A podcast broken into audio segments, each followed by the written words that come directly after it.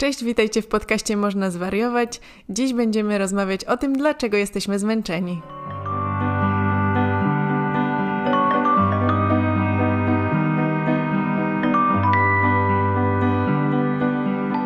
Dzisiaj gościmy w naszym podcaście Karo Domarańczyk, która jest osteopatką i praktykiem medycyny funkcjonalnej, która trochę pomoże nam odpowiedzieć na to pytanie.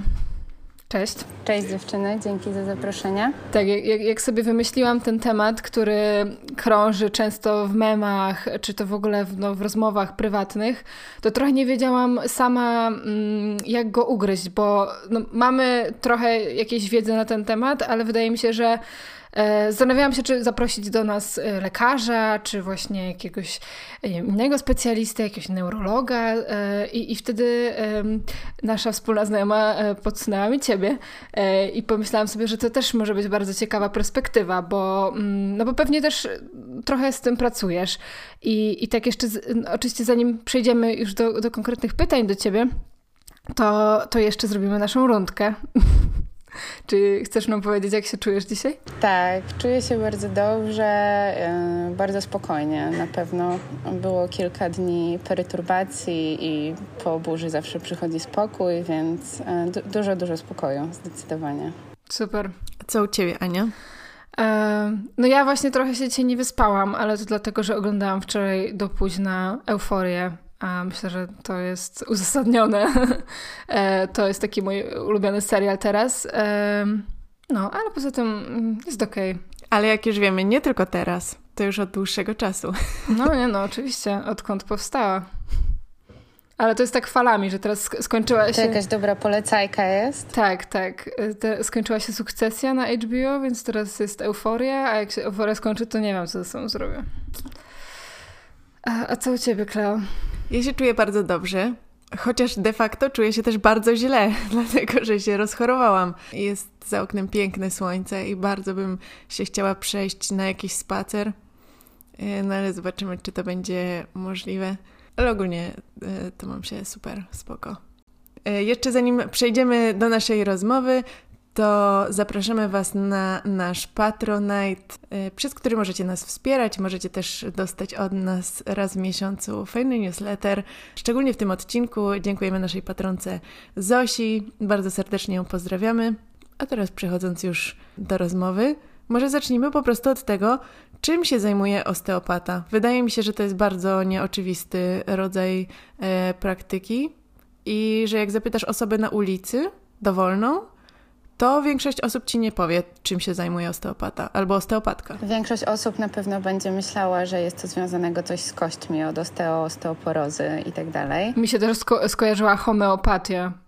Ale to chyba też nie jest związane. Też zdecydowanie nie jest to, zwłaszcza, że osteopatia to jest evidence-based practice, czyli jesteśmy osadzeni w nauce, w biologii, chemii i fizyce. Jest to medycyna manualna. W Stanach Zjednoczonych jest e, równoległą specjalizacją lekarską, w Europie to są osobne studia medyczne e, i generalnie my diagnozujemy przede wszystkim, e, znajdujemy połączenia pomiędzy wszystkimi układami ciała i szukamy na poziomie przyczyny źródłowej, przyczyny przyczyny danej dolegliwości. To chyba też w Polsce jest często związane z fizjoterapią, prawda? W sensie wielu fizjoterapeutów się potem jakby w tym kształci. Tak jest. Wielu, e, wielu fizjoterapeutów się kształci w stronę osteopatii. E, jest to też związane z tym, że w Polsce nie ma takiego zawodu i żeby móc wykonywać zawód osteopaty trzeba mieć ukończone inne studia medyczne, czyli jest to zazwyczaj albo fizjoterapia, albo klasyczna medycyna. I z czym y, można się zgłosić do takiego specjalisty albo do takiej specjalistki? Z czym najczęściej osoby się do ciebie zgłaszają i właściwie dlaczego przychodzą, wiesz, bo wydaje mi się, że właśnie osteopata to nie jest pierwsza osoba kontaktu, jak tak sobie myślisz o jakichś swoich problemach, to raczej idziesz drogą y, takiej klasycznej medycyny prawdopodobnie, nie? Tak podejrzewam. To zależy gdzie na pewno, ponieważ w wielu krajach Europy i tak samo właśnie w Stanach Zjednoczonych to osteopaci są praktykami pierwszego kontaktu, ponieważ tak jak powiedziałam wcześniej, skupiamy się na wszystkich układach organizmu, czyli nie tak jak kardiolog, który się skupia tylko na sercu, e, czy neurolog tylko na układzie nerwowym. E, my łączymy te wszystkie kropki w całym organizmie, e, więc Więc we Francji na przykład, czy w Wielkiej Brytanii, gdzie osteopatia jest normalnie w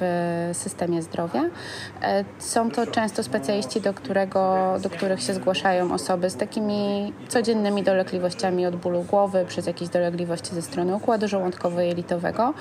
Mm, I tak samo jak w specjalizacjach lekarskich, tak u nas są specjalizacje, czy jest to osteopatia ginekologiczna, czy jest to osteopatia pediatryczna. Ja akurat jestem wyspecjalizowana w chorobach metabolicznych, bólach głowy, czyli łącznie też z tą moją praktyką właśnie medycyny funkcjonalnej głównie się zajmuję zmianami metabolicznymi na poziomie chociażby popularnej teraz insulinooporności, chorobami autoimmunologicznymi i tak jak wspomniałam, bólami głowy, czy są to migreny, czy, e, czy napięciowe bóle głowy, ale też chociażby takie popularne obecnie dolegliwości jak zespół przewlekłego zmęczenia.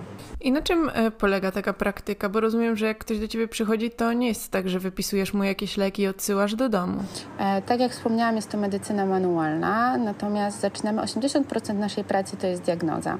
Czyli jak taka osoba do mnie przychodzi, osoba, czyli pacjent, e, to najpierw przeprowadzam bardzo, bardzo obszerny wywiad, czyli anamnezę.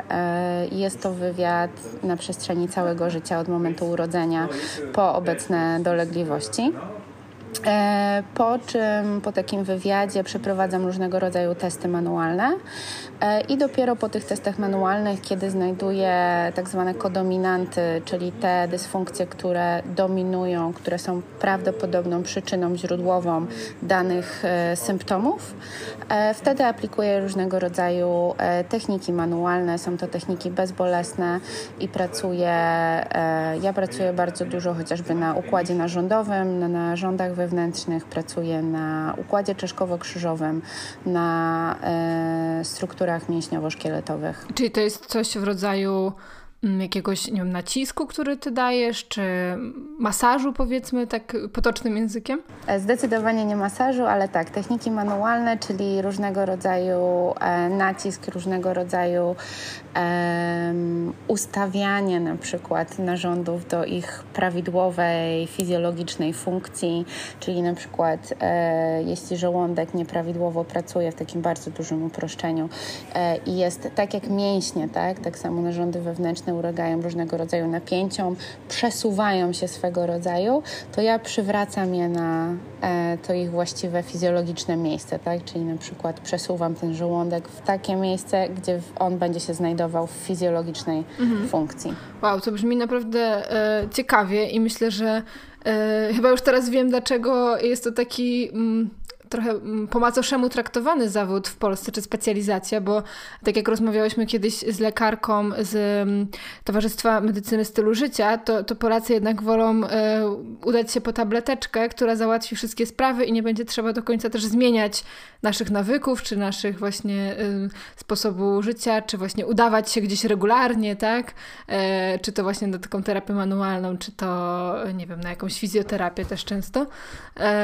to taka moja refleksja refleksja. Nie wiem, czy, czy też się z, z tym spotykasz? Jak, jak w ogóle właśnie teraz z zainteresowaniem? I, i, I, jak w ogóle też wielu jest takich specjalistów, bo mówiłaś o tym, że trzeba się gdzieś tam do, dokształcać pewnie. Czy, ja, ja, wiem, akurat znam jedną osobę, która też no, kształciła się za granicą e, z tej osteopatii, i chyba wywnioskowałam z tego, że, że to dlatego, że może w Polsce jakoś nie można, czy jest to po prostu utrudnione?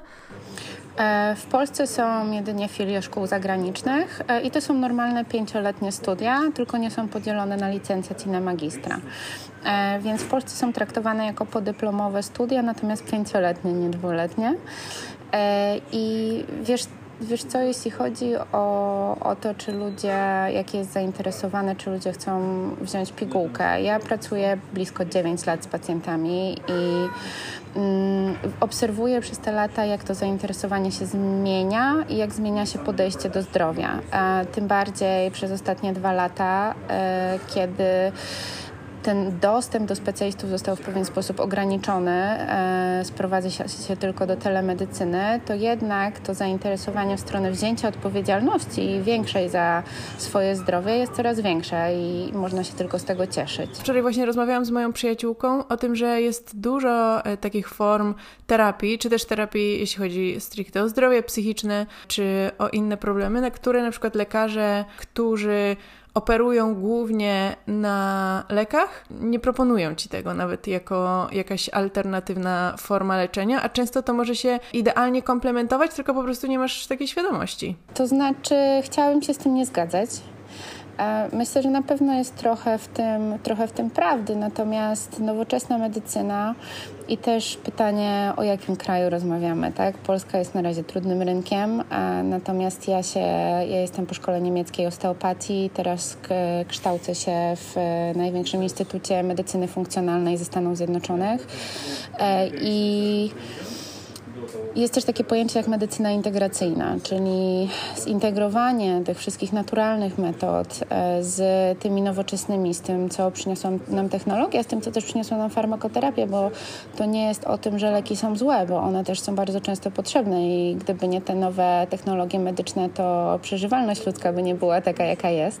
A zrobiliśmy bardzo dobrą robotę, jeśli chodzi o tak zwany lifespan, czyli długość życia. Teraz pracujemy nad healthspanem, tak? czyli nad tą um, nad tą jakością życia.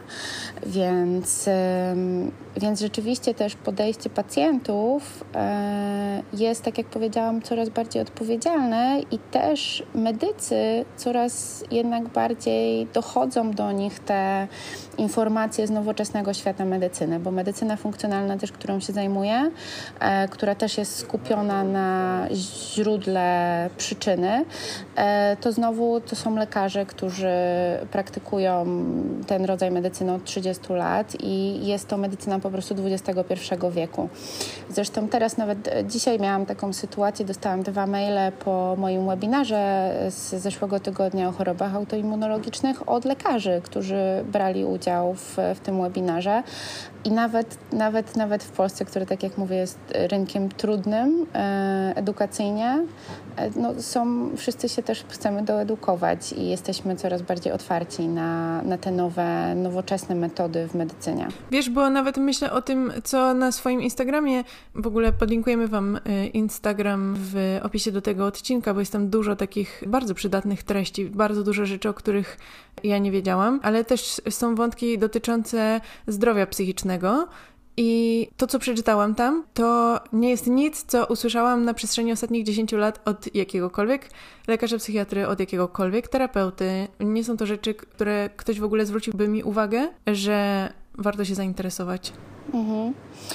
No i to jest znowu, znowu podejście medycyny XXI wieku, tak? że z jednej strony um, nadal robimy ukłon w stronę klasycznej psychiatrii i wtedy, kiedy też farmakoterapia jest potrzebna, to jest potrzebna i psychoterapia też jest, e, jest częścią leczenia, tak?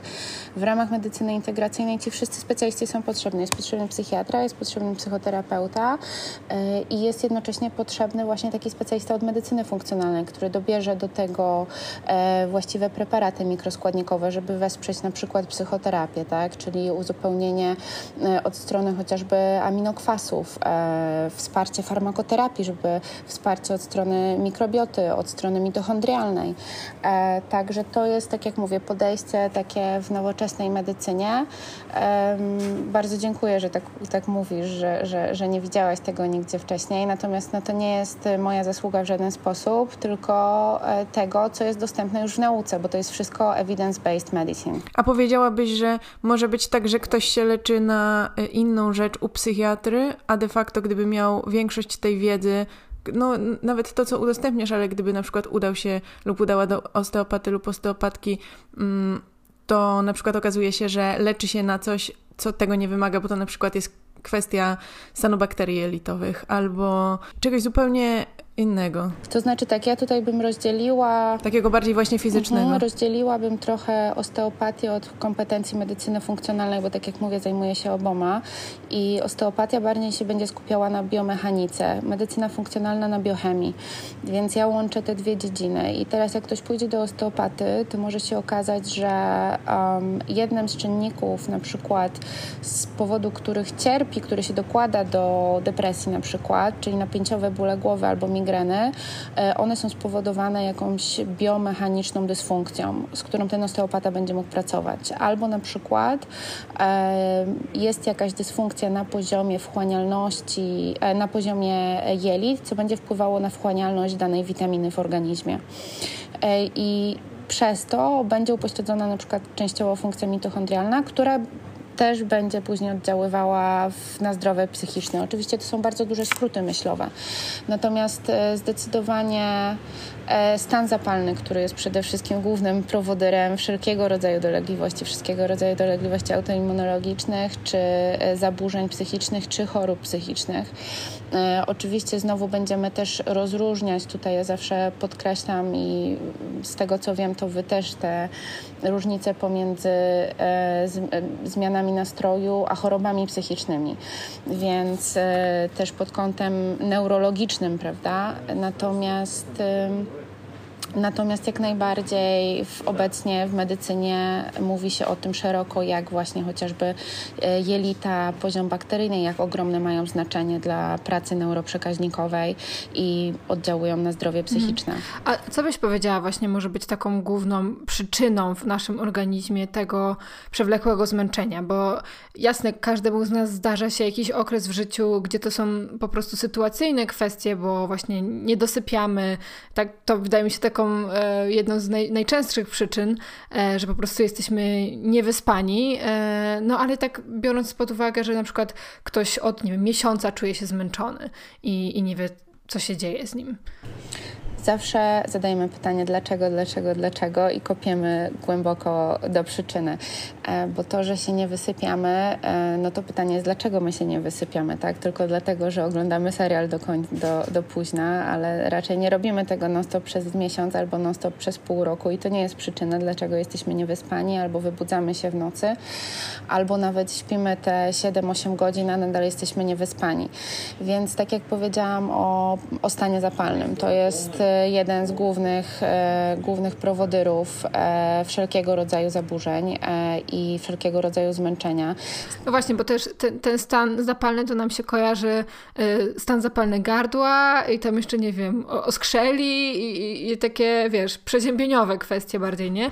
A, a to jest też chyba warte, żeby wspomnieć, że, że, że ten stan zapalny może, może się pojawić w nie wiem, dowolnej części organizmu, czy, czy w takich właśnie narządach, których no nie odczuwamy tego fizycznie, tak jako ból gardła na przykład? To, o czym ty mówisz, czyli na przykład ten ból gardła, tak jakieś chwilowe zapalenie, to jest e, miejscowy, ostry stan zapalny. A ten stan zapalny, o którym ja mówię, to jest stan zapalny przewlekły, ogólnoustrojowy, który później się przeradza bardzo często w tak zwaną neuroinflamację, czyli stan zapalny ośrodkowego układu nerwowego, czyli między innymi mózgu e, i z tego powodu powstaje szereg konsekwencji uszkodzeń chociażby na poziomie mitochondriów. Mitochondria to są organelle, to są e, części komórki, które odpowiadają za produkcję 85% energii.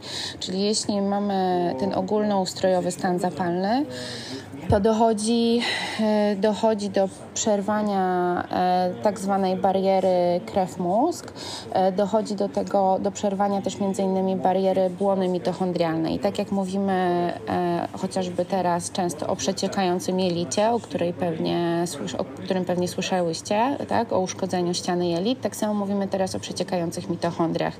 I w momencie, kiedy te mitochondria są w nieprawidłowej funkcji, ta energia nie jest w stanie być prawidłowo E, produkowana w formie, w formie ATP. Kolejną rzeczą, na którą oddziałuje ten stan zapalny, jest chociażby nasz układ limfatyczny, czyli nasza główna oczyszczalnia.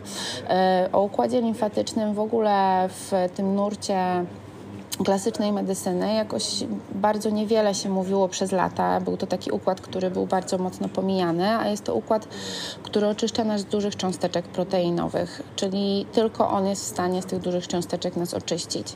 E, I teraz wtedy, kiedy on nie działa prawidłowo, czyli chociażby kiedy mamy za mało ruchu, kiedy jest przeładowanie tymi e, ubocznymi produktami metabolitu, toksynami powiedzmy, e, to ten układ limfatyczny nie jest w stanie funkcjonować. Ja zawsze porównuję to do akwarium, tak? Czyli jeśli nie dbamy o to akwarium, ono zaczyna obrastać glonami, tak? Zaczyna obrastać syfem, za przeproszeniem e, i ta woda nie przepływa prawidłowo, tak? I kończy się to tym, że jesteśmy po prostu zmęczeni, bo ten organizm jest przeładowany. Mhm.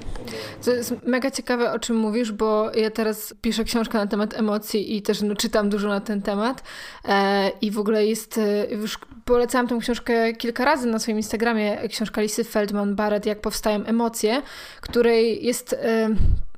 Nie chcę tutaj też powiedzieć, że, że to jest jakaś jej teoria, to jest pewnie teoria jakby jej zespołu badawczego i jeszcze na podstawie innych badań wysnuta. E, właśnie tego, że też to, w jaki sposób regulujemy nasze emocje, zależy od budżetu ciała, tak e, metaforycznie e, mówiąc, nie? Czyli właśnie to jest pewnie też coś, o, ty, o czym ty powiedziałaś, nie? Czyli to, czy ten organizm funkcjonuje mm, dobrze, czy ta woda jest czysta, czy te ścianki są czyste, czy, czy są zasyfione, nie? I, I tak samo, jeśli nasz organizm jest przeciążony, to, no to nie myśli wtedy o tym, żeby jak najlepiej regulować nasze emocje i mieć dobry nastrój e, i, i nie, nie wkurzać się na głupoty. E, to też mówię w bardzo dużym uproszczeniu oczywiście, mm, tylko no, ma jakieś pilniejsze e, rzeczy do zrobienia, tak? Na przykład walka z tym stanem zapalnym. Tak i ta walka jest nierówna bardzo często, bo my tego organizmu nie wspieramy. E, I, I wiąże się z tym, że e, ten, ten stan zamienia się, tak jak powiedziałam, w stan przewlekły. E, I z tego stanu przewlekłego już jest bardzo trudno nam wyjść. Tak? Znowu to, co powiedziałam o tych przeciekających mitochondriach, też dalej e, szukamy dlaczego, kopiemy głębiej dlaczego. Czy wynika to na przykład z niedoborów mikroskładnikowych. Bardzo często jedne z głównych niedoborów mikroskładnikowych pierwiastkowych, z którymi zgłaszają się do mnie pacjenci, jest to obecnie w ogóle według WHO epidemia XXI wieku. To są bardzo niskie poziomy żelaza, to są niskie poziomy witaminy D3, to są niskie poziomy witaminy B12. E, które najpierw trzeba oznaczyć, zanim ktoś, kto teraz nas słucha, zacznie brać suplementy, bo to jest też moja e, vendetta, żeby, e, żeby przeciwdziałać takiemu braniu różnych rzeczy, suplementów jakichś witamin w ciemno. Tak, Polacy są ponoć też w czołówce brania suplementów w Europie. Tak, i, i leków. I, I, zazwyczaj na własną rękę, tak, nie? Tak, a można sobie zrobić tak jak wszystkim krzywdę. Zaczęłaś trochę już mówić o tych przyczynach i, i to myślę, że jest może ważne, żeby to zaadresować tak wprost, no bo to mogą być rzeczy, których już się trochę domyślamy, tak? Ja jak myślę sobie stan zapalny w organizmie, no to od razu gdzieś mi się pojawia, że, że stres, e, ale ten stres też stresowi nierówny, więc jakbyś mogła powiedzieć, высвободить co jest takim najczęstszym, tak? Czy, czy z czym się spotykasz, e, do czego dochodzisz z pacjentami, że e, co wywołuje faktycznie te wszystkie problemy? Stres szeroko pojęty, bo nie mówimy tylko o stresie psychoemocjonalnym, natomiast mówimy o stresorach, e, tak? Czyli dla organizmu stresor jest równy innemu stresorowi. Nieważne, czy są to zanieczyszczenia ze strony powietrza, czy jest to kłótnia z partnerem, czy są to zanieczyszczenia ze strony jedzenia. I to przeładowanie, to co mówiłeś przed chwilą trochę o akwarium, tak? czyli to przeładowanie tymi stresorami przeładowuje też nasz układ autonomiczny nerwowy, czyli ten, który odpowiada za reakcję na stres i za powrót e, do równowagi po, po sytuacji stresowej. Tak, no myślę, że, że te przyczyny, to, to trafnie powiedziałaś, że jakieś zanieczyszczenie powietrza, czy, czy to jedzenie, jakie zjadamy, ale też na zanieczyszczenie światłem, o którym się ostatnio dużo mówi, nie? czyli to, że jesteśmy non-stop gdzieś naświetlani, e, gdzie no, biorąc pod uwagę 100 czy 200 lat temu, to, to nie byłoby możliwe e, w ogóle, żeby mieć tak dużo światła, tak? I nasz organizm nie jest do tego przyzwyczajony, bo już w godzinach e, no, po podwieczornych już powinniśmy e, wydzielać tą melatoninę i, i przestawiać się na sen. To tak przykładowo.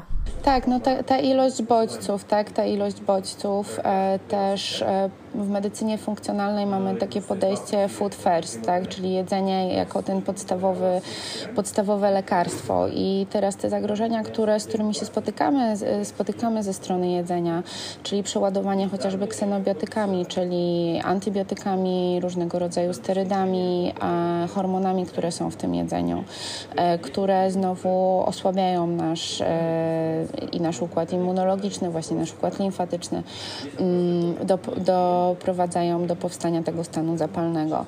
E, także z tymi bodźcami z wielu różnych stron my się cały czas spotykamy. To, co powiedziałaś o świetle, to jest, to jest bardzo dobry przykład. To, co nam e, powoduje te wszystkie deprywacje snu, bo wystarczy niewielkie naświetlenie światłem niebieskim po południu i wieczorem, a już nasz sen głęboki, czyli ten, w trakcie którego zachodzą najważniejsze reakcje regeneracyjne, będzie, będzie zaburzony.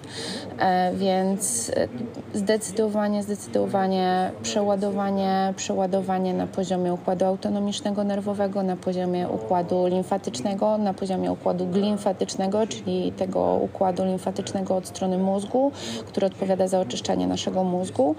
Mm, to są wszystkie te E, czynniki, które, które kontrybują do, do powstania stanu zapalnego i później w dalszej konsekwencji do różnego rodzaju symptomów, chorób, e, dolegliwości. Piszesz też o bólach głowy i między innymi zwrócił moją uwagę taki post, w którym e, pisałaś o takim konkretnym urazie tutaj głowy, kręgosłupa. Whiplash. Tak, dokładnie. E, zainteresowała mnie, bo moja siostra to miała dosłownie w zeszłym tygodniu. Nie przytoczę dokładnie, co tam napisałaś, ale że to jest coś, o czym warto poinformować swojego terapeutę, czy tam swojego psychiatrę, bo może to mieć taki realny, e, duży wpływ na pogorszenie naszego zdrowia psychicznego.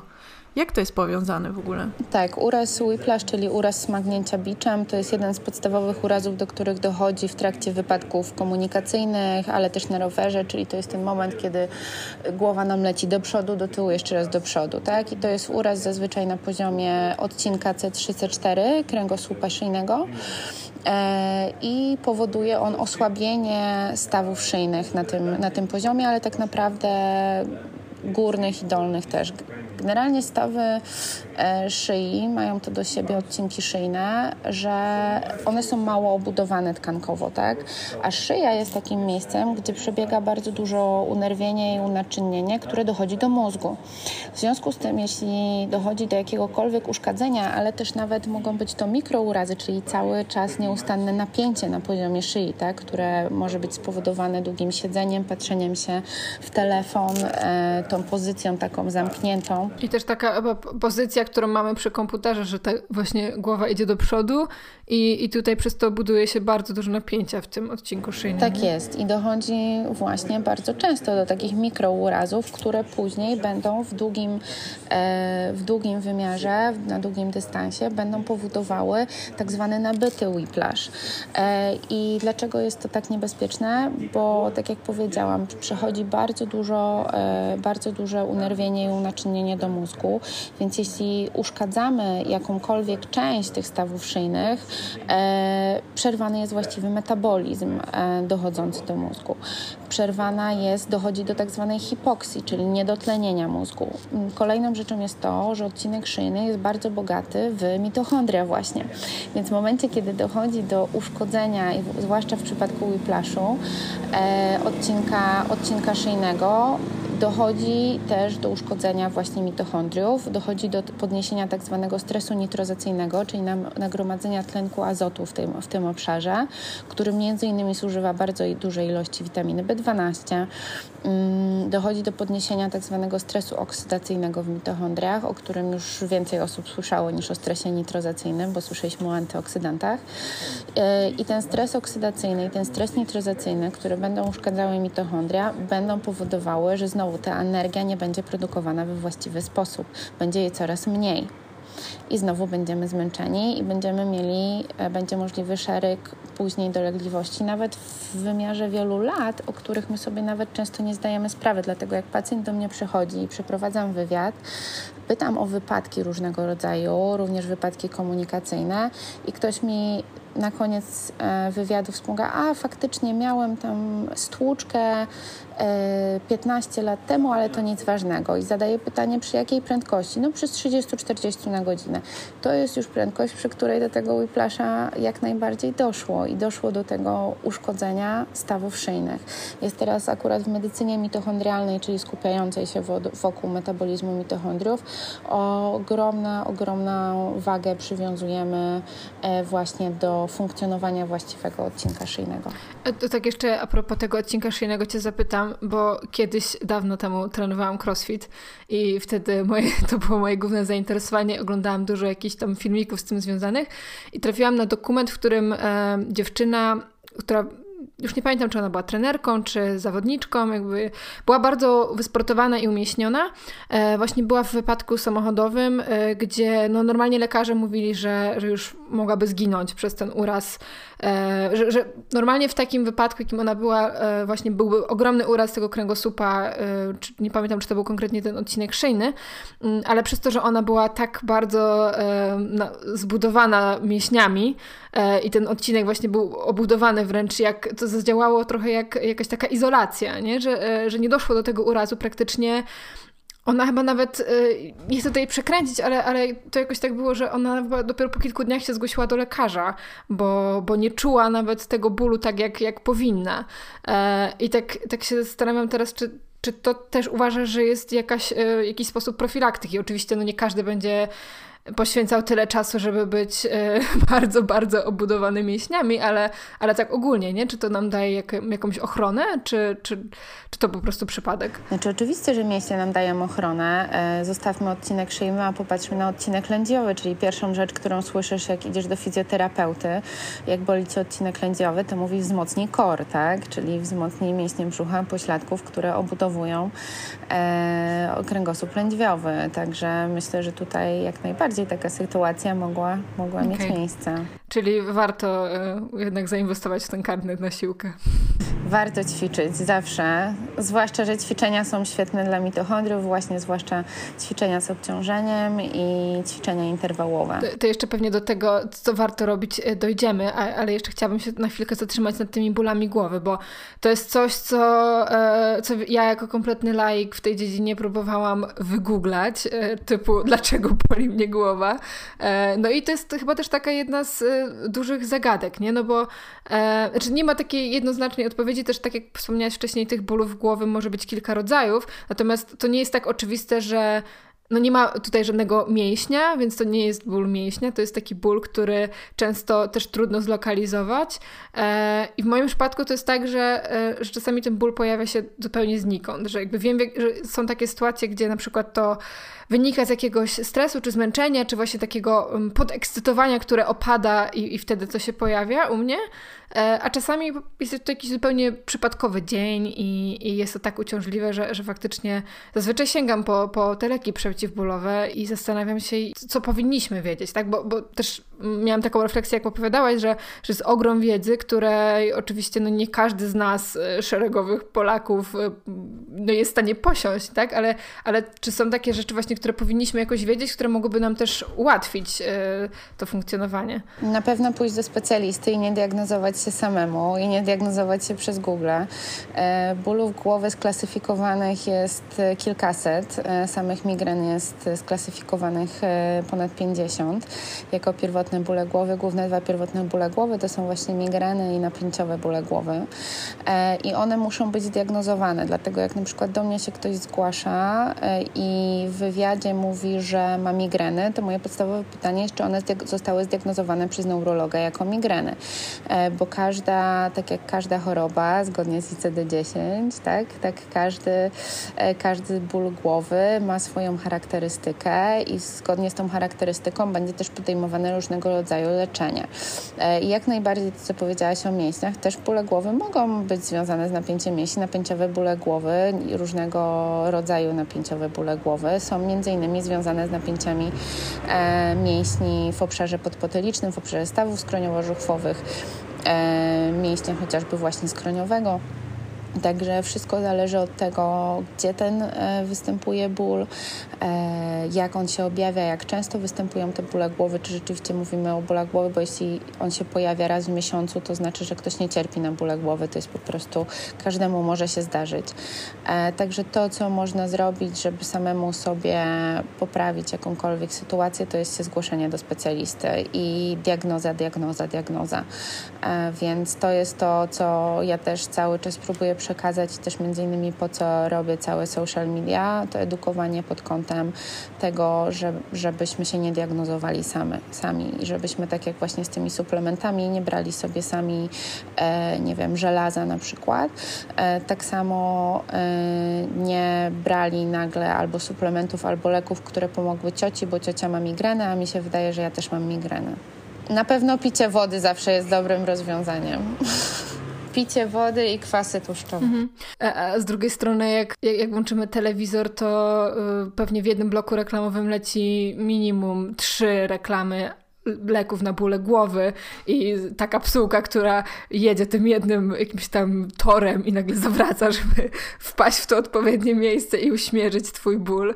E, co, coś, co też jest ewenementem na skalę polską, bo w wielu krajach e, reklamy e, leków czy suplementów w telewizji są po prostu nielegalne, nie? E, no, no, i, no i właśnie, i to jest, y, masz takie wrażenie, że to jest trochę walka z wiatrakami, czy, czy jednak mm, ludzie się bardziej teraz interesują i, i właśnie chcą sięgać po tą diagnozę i, i po, mm, po jakąś no, bardziej dopasowaną terapię? Ja nigdy nie uważam, że to jest walka z wiatrakami. Ja zawsze uważam, że każda E, mała walka ma swój impact i, jak nie my, to kto będzie zmieniał ten świat, e, nawet w jakimś małym, małej swojej bańce. Dobra, sprzedam Wam jeden tip na bóle głowy, który jest rzeczywiście bardzo dobrze udowodniony obecnie w nauce, zwłaszcza też w przypadku walki z migrenami. Oczywiście nie z każdego rodzaju migrenami, natomiast to, co zamiast leków można wziąć, e, to są kwasy tłuszczowe omega-3, EPA i DHA. E, w ilości minimum 2000 mg EPA bo one działają bardzo mocno przeciwzapalnie właśnie, także to działanie przeciwzapalne będzie miało też działanie przeciwbólowe w przypadku bólów głowy, także nie trzeba sięgać po paracetamol, tylko można sięgnąć po omega-3, która jest bezpieczna. Mhm. No, to bardzo ciekawe. No tak, i, i też jest kapsułkowa, ale też są różne e, no, naturalne jej źródła, nie? Które Ryby. E, można stosować, albo olej lniany. A, to oczywiście mniej nasycony. Ale to są inne, inne łańcuchy omega-3. Olej lniany to są łańcuchy ALA, a nam chodzi o EPA i DHA e, które też jak najbardziej są dostępne z roślin, z alg, natomiast lepiej przyswajalne są z ryb. Często, coraz częściej pojawiają się u osób y, takie objawy mm, psychosomatyczne. Y, nierzadko słyszę, że ktoś chodzi od lekarza do lekarza i próbuje rozwiązać y, swoją zagadkę, okazuje się, że główną przyczyną tak naprawdę często jest stres albo jakieś te, takie problemy często natury lękowej. Myślisz, że osteopatia czy medycyna funkcjonalna są takim dobrym rozwiązaniem dla osób z problemami psychosomatycznymi? Jak najbardziej, ponieważ e, wszystkie dolegliwości możemy zaliczyć do psychosomatycznych. Tak jak przerabiałam psychosomatykę na studiach zarówno fizjoterapii, bo ja też skończyłam magistra z fizjoterapii, czy na studiach osteopatii, to tak naprawdę wszystko możemy zaliczyć do, podciągnąć pod psychę, no bo jesteśmy całością, tak? Mamy całość e, ciało, umysł i ducha i to jest też e, jedno z założeń w ramach ramach którego funkcjonuje zarówno osteopatia i medycyna funkcjonalna, że nie możemy odłączyć jednego i drugiego. Natomiast wpływ na psychę na pewno ma soma i to, co rozmawiałyśmy chociażby w kontekście bakterii jelitowych, tak, że um, jeśli te bakterie będą działać nieprawidłowo, czyli będzie dysbioza e, jelitowa, e, czyli nieprawidłowa, nieprawidłowe skolonizowanie bakterii, to będzie to oddziaływało bardzo mocno na naszą gospodarkę neuroprzekaźnikową, będzie oddziaływało na naszą psychę. E, I w drugą stronę stres psychoemocjonalny, czyli znowu ten przykład kłótni z partnerem, e, będzie prowadził do chociażby podniesienia stresu oksydacyjnego w mitochondriach i będzie uszkadzał naszą somę. Także zawsze trzeba sobie znowu zadać pytanie, dlaczego i gdzie tak? Jeśli szukamy na poziomie przyczyny, czyli co było pierwsze, e, czyli czy na przykład to, że ktoś ma reflux e, i ten reflux e, mu się pojawia w danych momentach dnia, wynika z tego, że akurat pije dużo kawy, czy wynika akurat z tego, że zawsze o godzinie 8 rano ma spotkanie ze swoim szefem i ten trigger psychoemocjonalny wywołuje w nim e, reakcję na poziomie somatycznym. Mhm. Kiedyś bardziej chyba dążono do tego kategoryzowania nie? naszego ciała właśnie na to, co somatyczne, co psychiczne, a, a teraz tak samo no właśnie na psychoterapii też pracuje się e, z takimi objawami, które często pacjenci mają taką trudność, że jeśli idą do, do lekarza ogólnego czy jakiegoś specjalisty, to, to słyszą właśnie, e, przynajmniej ja, ja tak e, ja tak słyszałam takie historie, że, że słyszą tak trochę na odczep się, e, to nie jest mój problem, to jest problem do psychiatry, nie? Albo proszę iść do psychiatry. I to dla wielu osób myślę, że mm, Z, oczywiście zależy to, w jaki, w jaki sposób się, się to usłyszy i w jaki sposób to jest wypowiedziane, ale no to, to może być na, na zasadzie takiej stygmatyzacji trochę, że właśnie no to nie jest prawdziwy problem, to pani sobie coś wymyśla, nie? Tak samo właśnie na przykładzie tej, e, tej pracy to często jest tak, czy, czy pracy, czy szkoły, że na przykład często jakieś napięcie pojawia się już w niedzielę wieczorem i, i jakiś wiem, ból brzucha, czy, e, czy właśnie trudności z zaśnięciem. No bo przygotowujemy się też psychicznie na ten cały y, tydzień, czy, czy na konkretny jakiś dzień w pracy, nie? który może być trudny.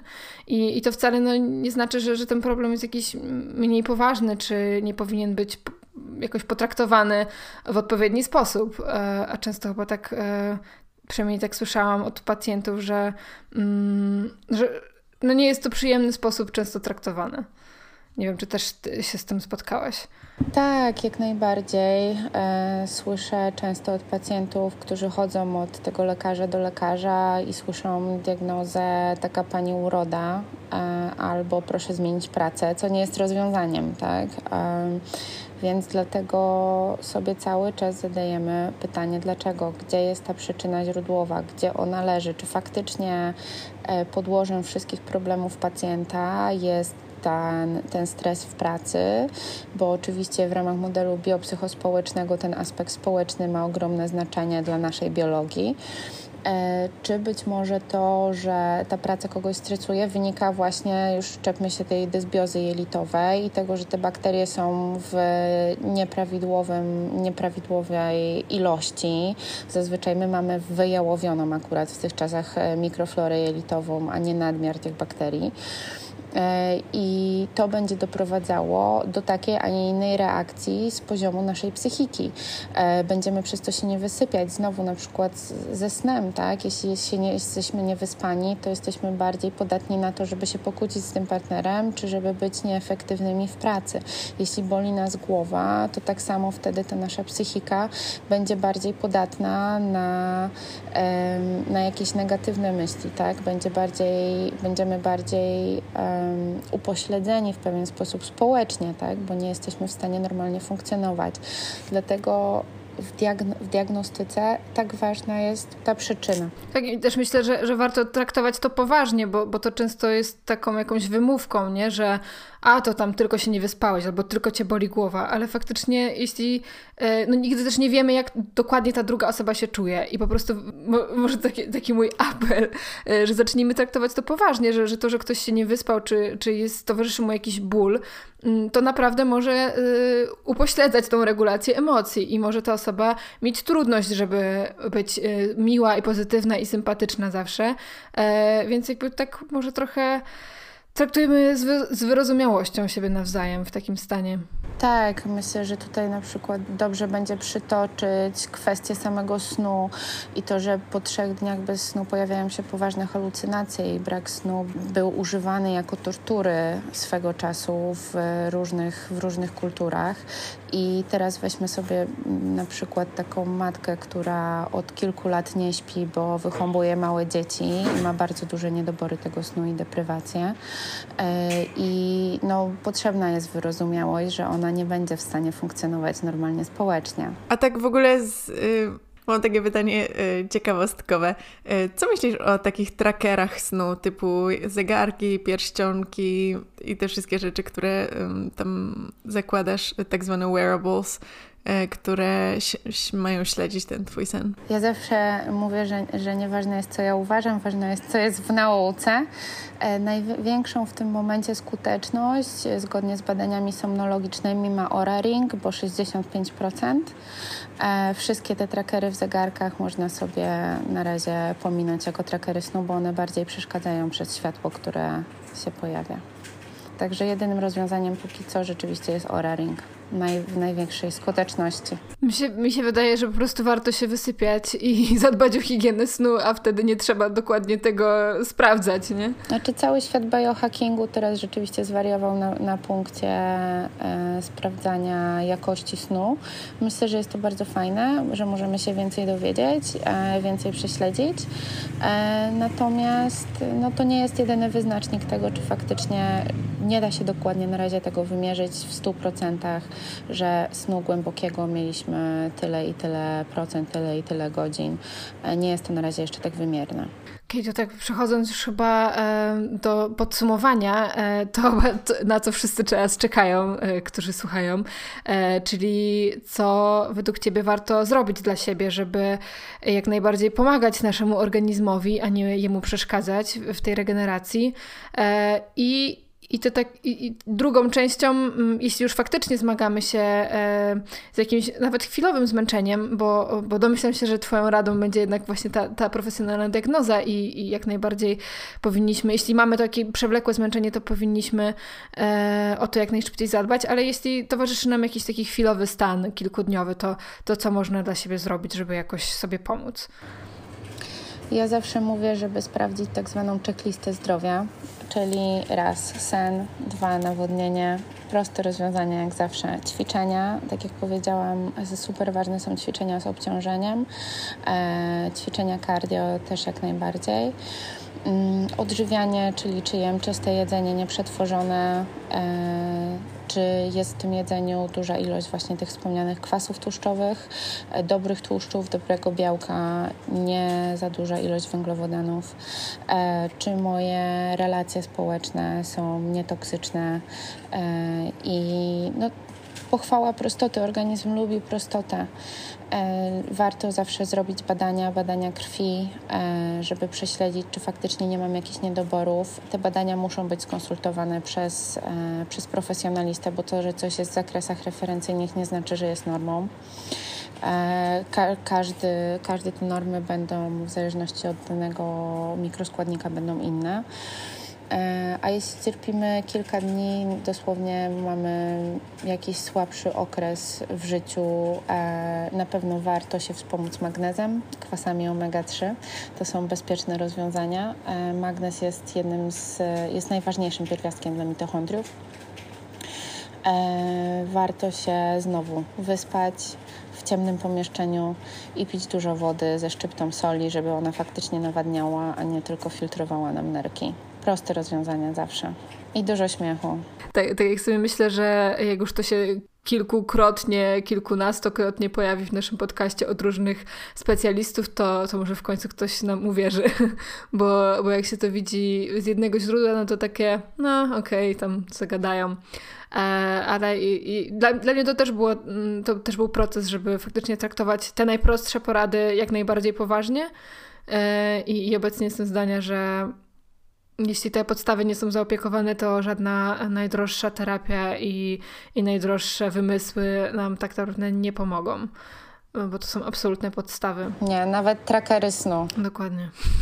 Powiedz jeszcze na sam koniec, jak to się stało, że zostałaś osteopatką, e, e, osobą, która się zajmuje medycyną funkcjonalną?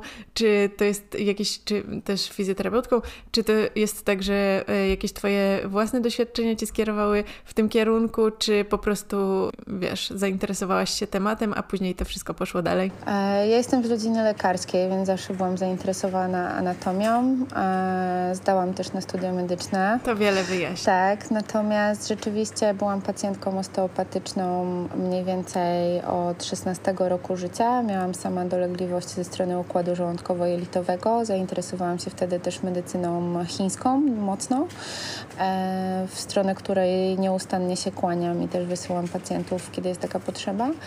Mm, I jak miałam 20 lat, byłam e, dużo medytowałam, byłam w szkole w Danii i wtedy odpowiedziałam sobie na zajebiście ważne pytanie, co chcę w życiu robić i stwierdziłam, że chcę pomagać ludziom. E, I okazało się, że osteopatia jest dla mnie tym rozwiązaniem, a wraz z rozwojem też mojej praktyki doszła do tego medycyna funkcjonalna ze względu na profil pacjenta, który się po prostu do mnie zaczął zgłaszać, tak jak powiedziałam, te bóle głowy, te zmiany metaboliczne. E, no i jestem tutaj właśnie do tego. Wow, dzięki Ci za tę ciekawą i merytoryczną rozmowę. Ja bardzo Wam dziękuję. Tak, i, i zapraszamy Zapraszamy słuchaczy, słuchaczki do odwiedzenia Twojego Instagrama, bo tam chyba najwięcej informacji też e, o Tobie i, i, o tym, co robisz, nie? Tak, tak mi się wydaje, bo że masz jeszcze jakieś inne źródła, jakąś stronę, czy... Tak, strona karoosteopathy.com e, to jest moja strona internetowa, tam są wszystkie informacje odnośnie mnie i konsultacji ze mną, natomiast Instagram, tak, jak najbardziej mam misję edukacyjną i po to go robię, więc bardzo zapraszam. Jest też newsletter, w którym e, w miarę regularnie, jak mi się uda, e, to, to wysyłam i, i też jest mocno edukacyjny. Można się zapisać przez stronę. I prowadzisz też e, webinary regularnie. Tak, tak, na razie przeprowadziłam trzy przez ostatnie trzy miesiące, także o zdrowiu psychicznym notabene. Pierwszy, jak będziecie chciały, mogę Wam go przesłać. O o chorobach autoimmunologicznych i, i o czymś jeszcze, o czym nie pamiętam. Dobra, to, to też zachęcamy i, i, kto wie, może ktoś nas słucha i się y, zainspiruje i też będzie chciał stać osteopatą jak ty. Ostatnio y, właśnie na spotkaniu jednym mm, na żywo, którym miałyśmy kraju, podeszła do nas osoba, y, znaczy do mnie i właśnie powiedziała, że jest wierną słuchaczką i że myśli o zostaniu psychologiem, więc może, może jeszcze tak, zainspirujemy was do różnych innych ciekawych zawodów, które wydają mi się niszowe. Mnie to zainspirowało do być może udania się do osteopaty. No, może coś z tego wyjdzie, może nie, zobaczymy. Ale bardzo mnie to ciekawi i w ogóle na maksa interesuje. Dzięki Karo, y, wszystkie linki znajdziecie w opisie do tego odcinka. Was niezmiennie zapraszamy na y, nasze kanały w social mediach y, i na nasz Patronite. I co jeszcze, Ania? like and subscribe. Bye!